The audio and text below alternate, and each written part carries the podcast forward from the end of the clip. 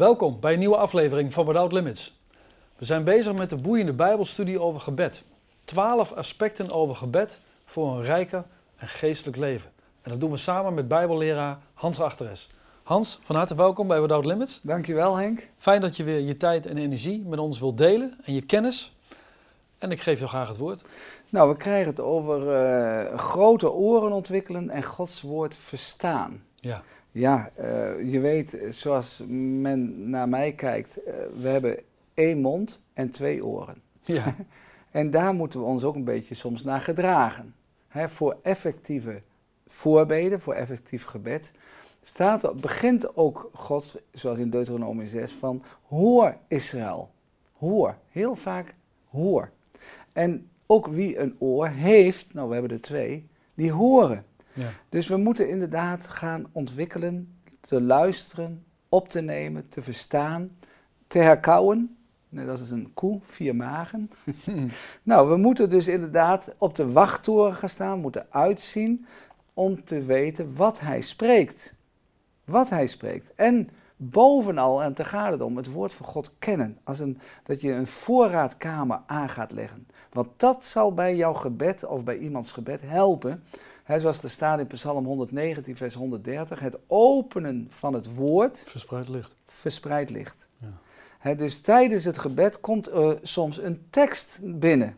Soms. Dat is natuurlijk bijzonder. Want daar heeft de Heer soms een bedoeling mee. Ja. Dus je krijgt dat in je gedachten. Daarom is het ontzettend goed dat je Bijbelverhalen kent. Een Bijbels persoon. Soms word je bepaald bij Jozef of iets dergelijks. En dan denk je, hé. Hey. En dan associeer, wordt dat geassocieerd, is iets van de Heilige Geest, met iets waar je mee bezig bent of voor een ander. Soms een tekstgedeelte. Soms word je gewoon geïnspireerd en bepaald bij een woord. Dat noemen ze rema. Logos is het hele woord van God, maar rema. Dan krijg je een speciale inspiratie en word je stilgezet, inderdaad, bij Gods voorraadkamer. Ja. En dit, de Bijbel, is Gods voorraadkamer, dat we die op moeten gaan slaan. We moeten dus leren het woord van God rijkelijk tot ons te nemen, om ook in het gebed richting te, ont- richting te ontvangen, inzicht te ontvangen en als een boog en pijl dat je gebruikt kunt worden. Ja. Want die woorden van God, die wil hij gebruiken. Ja. Ik was pas geleden, moest ik spreken voor eh, mensen die waren 40 jaar getrouwd. En eh, misschien dat mensen die zo kijken en luisteren denken, ja, Hans spreekt makkelijk, dat is ook wel zo. Maar ik moet wel het ontvangen. Wat en hoe? Wat is de kern van wat ik aan hun wil overdragen? En ik wist het niet. Dus ik was al vijf minuten in een, eh, in, in een situatie wat eh, niet erg was, maar gewoon hier, ik weet het niet. En toen kreeg ik na vijf minuten twee woorden in me. Bouwen en een paslood. Nou, een paslood is een soort schietlood. Tegenwoordig nemen ze een waterpas. Een paslood bestaat ongeveer 3000 jaar. Dat is gewoon een cilinder, loden cilindertje, touwtje en een klosje. en dan ga je langs een muur zetten en Ja. dan kijk je als die muur recht is en als die muur, of de kozijnen, hoe je het wil noemen, rechtop gebouwd worden. En de Heer wil ons bouwen, want Hij is het fundament. Jezus Christus is het fundament. Ja. En daar moet op gebouwd worden. Ja. En, eh, En openbaring zegt dat de naam van Jezus is het woord Gods. ja, Dus het is, hè? ja dat, dat, dus dat woord Gods, dat moet je dan kennen en dan moet je opgebouwd worden. Want inderdaad, uw woord is een lamp voor mijn voet en Ja. een licht op mijn pad. En Colossense zegt ergens, het woord van God wonen rijkelijk in u. Nou, dan moet je zelf jezelf onderzoeken, beproeven, woont het eh, woord van God rijkelijk in me? Of is het arm? Of vergeet u alles wat u gelezen hebt? Ik zeg altijd, het mooiste wat ik gelezen heb, is het wat ik het laatst heb gelezen.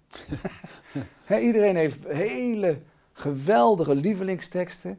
Maar wat zou het mooi zijn als u zegt, eh, hetgeen wat ik het laatst gelezen heb, dat is mijn lievelingsgedeelte. nou, dat is mooi. En sommigen die kennen de, de Bijbel alleen eh, het kaft. Alleen zo, Ja. de zijkant. Of de omslag. Maar de Heer zegt, nee, inderdaad, Gods woord, de Bijbel. Het boek der boeken. Er was een keer een jongetje en die vroeg aan zijn moeder van... eh, mama, wat is dat, dat boek daar, dat, dat, wat daar staat op de kast?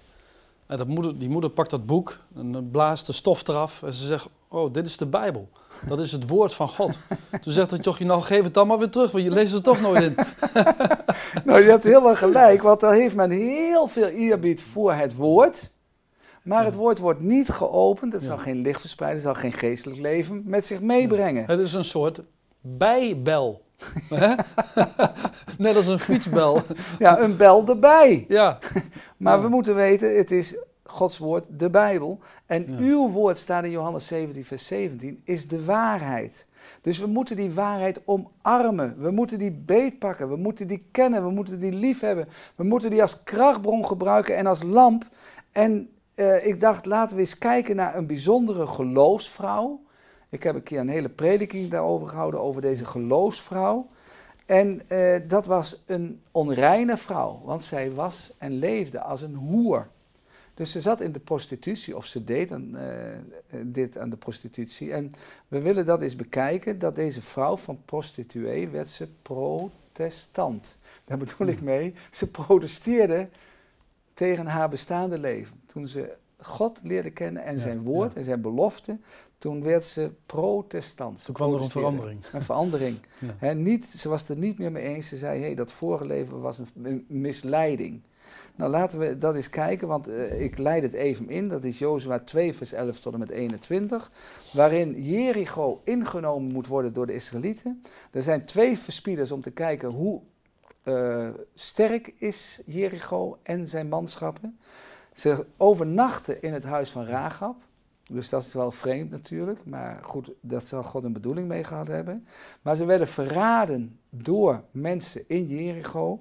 En om het zo uit te drukken, de burgemeester wou hun dus arresteren. Nou, op dat punt staan we een beetje. Rahab wist dit, dat deze twee mensen van God waren. En als je dit wil lezen, Jozua 2, vers 11 tot en met 21. Dan staat, toen wij dat hoorden, versmolt ons hart en vanwege u bleef bij niemand meer enige moed over, want de Heere, uw God, is een God in de hemel boven en op de aarde beneden. Nu dan, zweert mij toch bij de Heere dat aangezien ik u een weldaad bewezen heb, gij ook aan mijn familie een weldaad zult bewijzen. En geef mij een betrouwbaar teken dat gij mijn vaders en moeders, mijn broeders en zusters en al de hunnen in leven zult laten en ons van de dood redden zult. Toen zeiden de mannen tot haar: Wij staan met ons leven voor uw borg, indien gij deze onze zaak niet rugbaar maakt. Wanneer dan de Heere ons het land gegeven heeft, zullen wij u dankbaarheid en trouw bewijzen. Daarop liet zij hen met een touw door het venster naar beneden, want haar huis was gelegen op de buitenzijde van de stadsmuur, zodat zij woonde op de muur. En zij zeiden tot hen: Gaat naar het gebergte, opdat de achtervogels u niet aantreffen, en houd u daar drie dagen schuil, totdat de achtervogels teruggekeerd zijn. Daarna kunt gij uw weegs gaan. De mannen zeiden tot haar: wij zullen ontslagen zijn van deze eed aan u, die gij ons hebt doen zweren. Zie, wanneer wij het land binnenkomen, moet gij dit koord van scharlaken draad binden aan het venster waardoor gij ons hebt nedergelaten. En uw vader en uw moeder, uw broeders en de gehele familie bij u in huis bijeenbrengen. Ieder die dan uit de deur van uw huis naar buiten gaat, diens bloed komt op zijn eigen hoofd, maar wij zijn onschuldig. Al wie echter bij u in huis zal zijn, diens bloed komt op ons hoofd, indien men de hand aan hem slaat.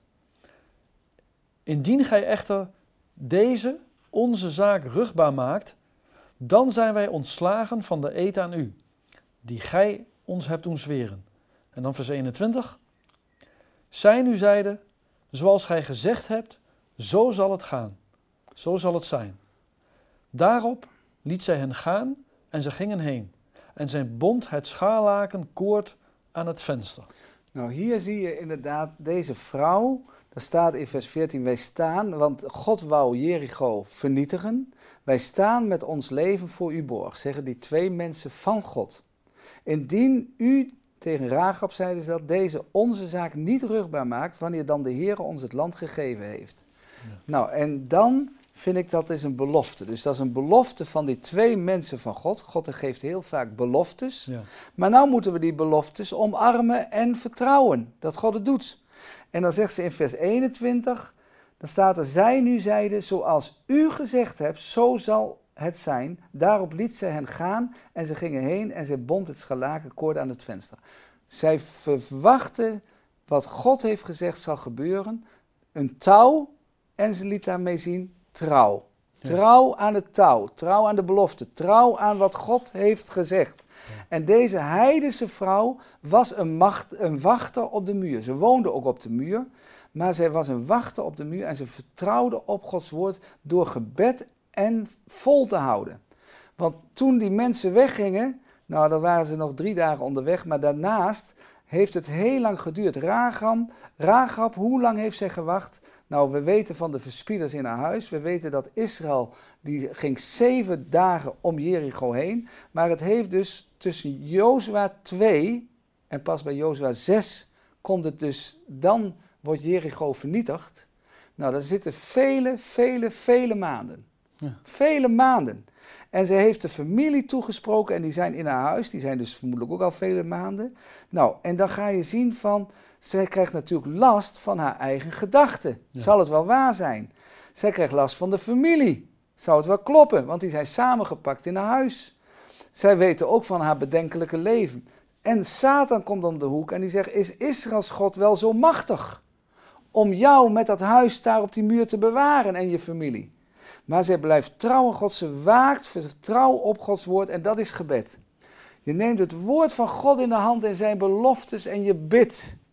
En je pleit en je dankt in het geloof en je vertrouwt erop dat Gods woord waar is en dat God tot zijn recht gaat komen. Ja, amen, amen. Eigenlijk zou je kunnen zeggen een oproep om aandacht te geven aan Gods woorden.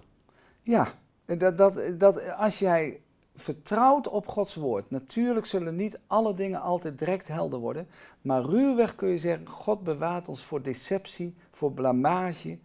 En ons gezicht staat in Psalm 34, vers 5, ons gezicht zal niet schaamrood worden. Als je werkelijk met God leeft, werkelijk op hem vertrouwt en je leeft door gebed, geloof en gehoorzaamheid, want dat vraagt hij, en je houdt vast aan het woord van God, dan zul je bemerken daar gaat kracht vanuit, maar dat niet alleen. Je gaat je verwonderen. Nou, dat gaan we lezen in Johannes 4, vers 46 tot en met 53. Dat je gaat verwonderen als je gelooft wat hier staat. En dan hou je dat in gebed en gedachten vast. Die beloftes zijn de sterren van God. En daarom moet je soms omhoog kijken in de nacht. Heer, die ster beweegt niet. Die ster verplaatst niet. U blijft trouw aan uw woord. Johannes 4, vers 46 tot en met 53 de zoon van de hoveling, staat erboven. Hij kwam dan weder te Cana in Galilea, waar hij het water tot wijn gemaakt had. En er was te Capernaum een hoveling, wiens zoon ziek was. Toen deze hoorde dat Jezus naar Judea, toen deze hoorde dat Jezus uit Judea naar Galilea gekomen was, ging hij tot hem en verzocht hem te komen en zijn zoon te genezen, want deze lag op sterven. Jezus zeide dan tot hem: Indien gij lieden geen tekenen en wonderen ziet, zult gij niet geloven. De hoveling zeide tot hem: Heer, kom af, eer mijn kind sterft. Jezus zei tot hem: Ga heen, uw zoon leeft.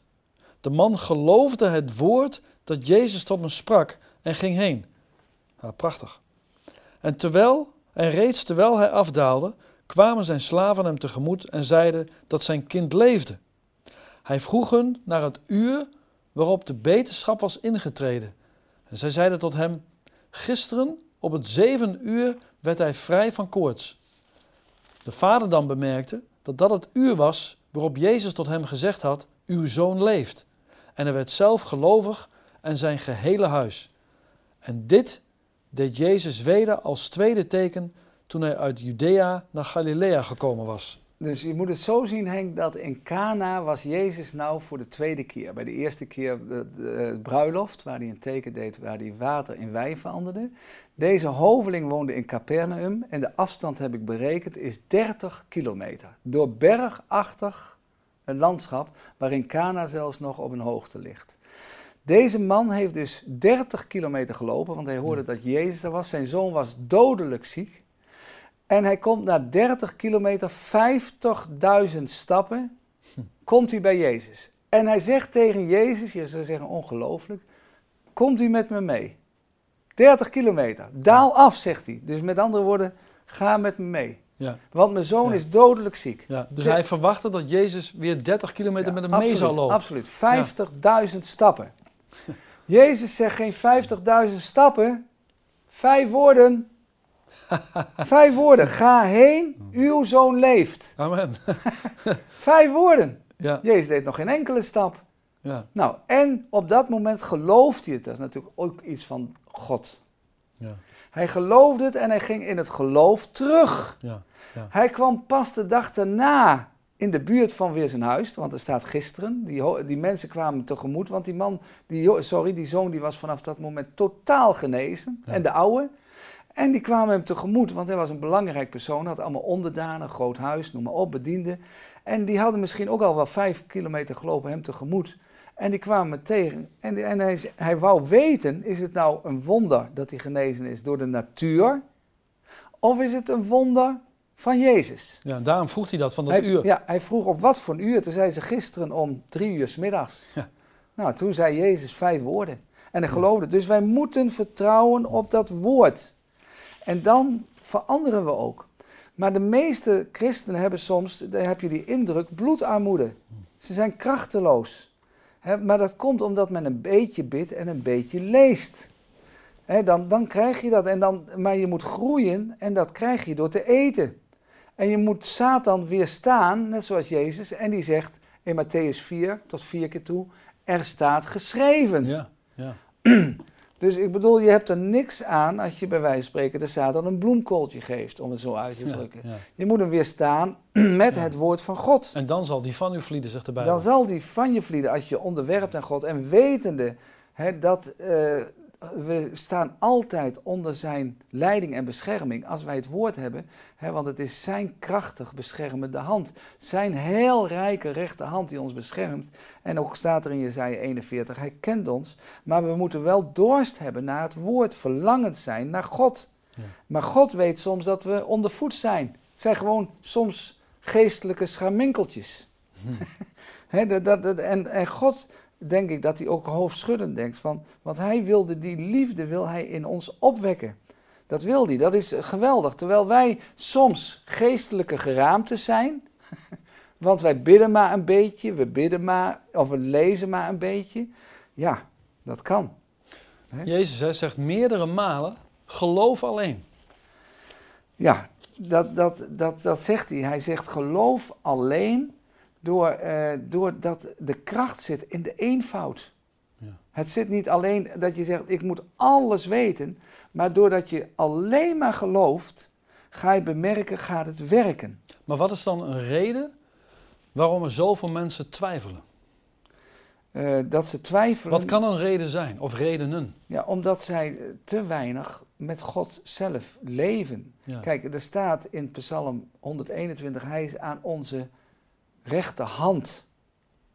Maar ja, als wij hem gebruiken, ik noem maar wat, als reservewiel. Dat we in de auto rijden, terwijl we hem moeten gebruiken, hem moeten gebruiken als stuurwiel. Ja, ja. Krijgen we opeens een probleem. Oh, oh, jongen, bandlek. Oh, nou, gelukkig hebben we nog een reservewiel, dat is Jezus.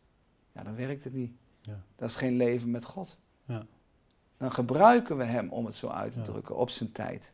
Maar dat is niet naar Gods wil. Nee, de Heer zegt dat hij in ons een nieuw leven wil opwekken. Ik lees eens Amos 8, vers 11. Sommigen zijn in hongersnood. Sommigen hebben bloedarmoede en noem maar op. De Heer is zo genadig. Er staat hier in Amos 8, vers 11, Henk, het is zo'n mooi woord. Zie de dagen komen, luidt het woord van de Heere, Heere, dat ik een honger in het land zal zenden. Een honger. Ja. Moet je opletten. Geen honger naar brood. En geen dorst naar water, maar om de woorden van de Heere te horen. Prachtig. Daar geef ik, dus de Heer geeft honger en dorst naar dit. Ja. En ik hoop echt van harte dat u bezocht wordt, dat u het woord opent. Ik heb wel eens een ouderling gekend die zei ik heb, dat hij een tijd kende en hij was vermoedelijk, dat is een werk van de Heilige Geest. Misschien was het iets speciale samenkomsten geweest. Maar hij zegt elke keer als ik de, de, het woord opent, elke dag, dan, dan, dan begin ik vanzelf te tranen. Alleen bij het openen, Ja, dan last hij nog ineens. Bijzonder. Dan last hij nog ineens. Dat doet de Heer. Ja. Hans, wat kunnen we hier aan doen? Want veel mensen die kijken en denken misschien van, ja, maar dat waar jij het over hebt, dat wil ik ook zo graag. Ja, ja nou, ik, ik, ik, het is niet moeilijk. Het is gewoon dat je zegt, ik ga discipline toepassen. Ja, want dat is toewijding, hè? Gebedstijd, gebedsplaats, gebedshouding. Maar dat geldt ook voor het woord. Dat u het woord centraal hebt. Begin met een dagboekje. Leg de Bijbel in uw huiskamer. Leg uw Bijbel op het nachtkastje. Ja. Luister een preek in de auto. Eh, onder andere, en noem maar op, dat je geregeld met het woord wordt geconfronteerd. Uh, positieve geloofsboeken, positieve tijdschriften, een, uh, een, een tekst langs de wand, een wandtegeltje, noem maar op. Ja. Ah, het, het, kan bij de brievenbus, zag ik pas geleden ook een soort tekst. Ik denk, wat zijn mensen creatief? Nee, het, het gaat erom, je moet vanuit het woord, ga je bidden naar Gods wil. Uh, op een gegeven moment gaat het van, over die dorre doodsbeenderen. Hè, misschien heb je dat wel eens ergens gelezen, dat, dat staat in het Oude Testament. Dat, dan, dan moet de, die profeet, die moet spreken tot die dorre doodsbeenderen. Is dat niet in Jesaja? Uh, nou, ik meen uh, Ezekiel 37. Ezekiel, 37, vers 7. Spreek woorden van leven. En dan gaat hij profeteren en hij gelooft het. En dan gaat God meewerken. Dan gaat God meewerken. Dus zodra je dan ook geïnspireerd wordt, ga je dus dat doen. Zodra ik profeteerde, ging er wat gebeuren. Dus God gaat, als je het woord beter leert kennen, daarvan uit leeft. Het gaat doen natuurlijk. En je gaat geregeld werkelijk bidden. Je neemt tijd voor God. Komt er, zodra ik ging profeteren, zegt Ezekiel, kwam er beweging en geruis kwam er beweging en geruis. Hm. Dat is mooi. Ja. Maar ja, soms moeten wij echt God zoeken voordat wij ontvangen. Ja. Voordat er een beweging komt. Ja, eh, bij God is het geen broekzaktheologie van, oh, we hebben ook de Heer even in onze zak.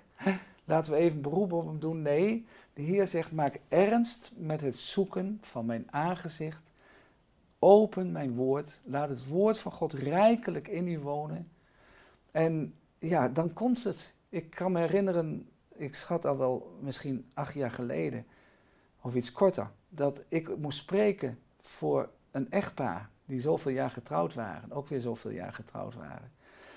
En ik wou echt van de Heer ontvangen. Niet zomaar dat ik dacht, oh Hans die heeft wel kennis, slaat even wat open en die gaat wat spreken erover en die spreekt hem toe. Nee, ik was echt op God afgestemd, met de Bijbel naast me min of meer.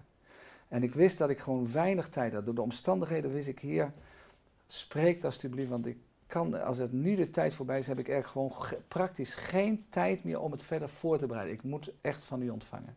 En op het allerlaatste moment kreeg ik één woord in mijn gedachten: achterhoede. Hm. En ik wist door de geest, dat moet in de Bijbel staan. Ik kreeg het gewoon in de gedachte. Daarvoor heb ik er jaren, ik heb er nooit bij stilgestaan, misschien achterhoede. Ja. En ik keek en er stond, en de God van Israël zal uw achterhoede zijn.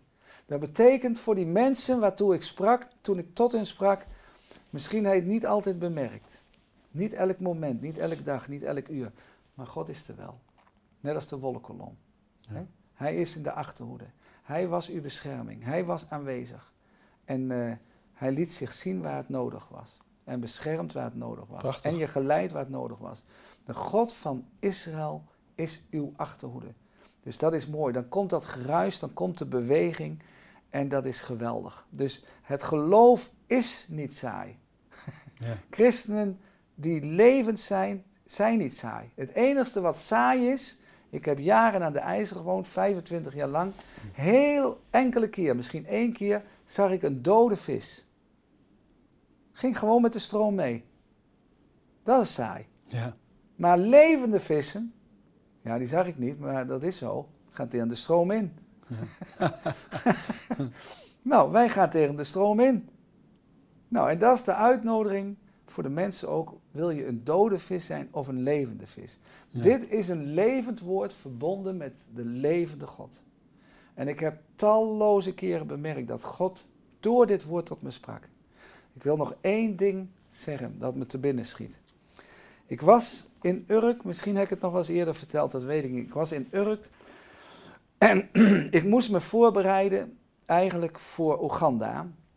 Maar de Heer sprak in Urk, dat was een maand voordat ik wegging, dat Hij mij alle woorden zou geven in Oeganda. Ik moest niets voorbereiden. Ik Ja. moest zijn woord meenemen en een kladblokje. Want in. Oeganda, in Oeganda ging je ook spreken. In Oeganda zou ik spreken.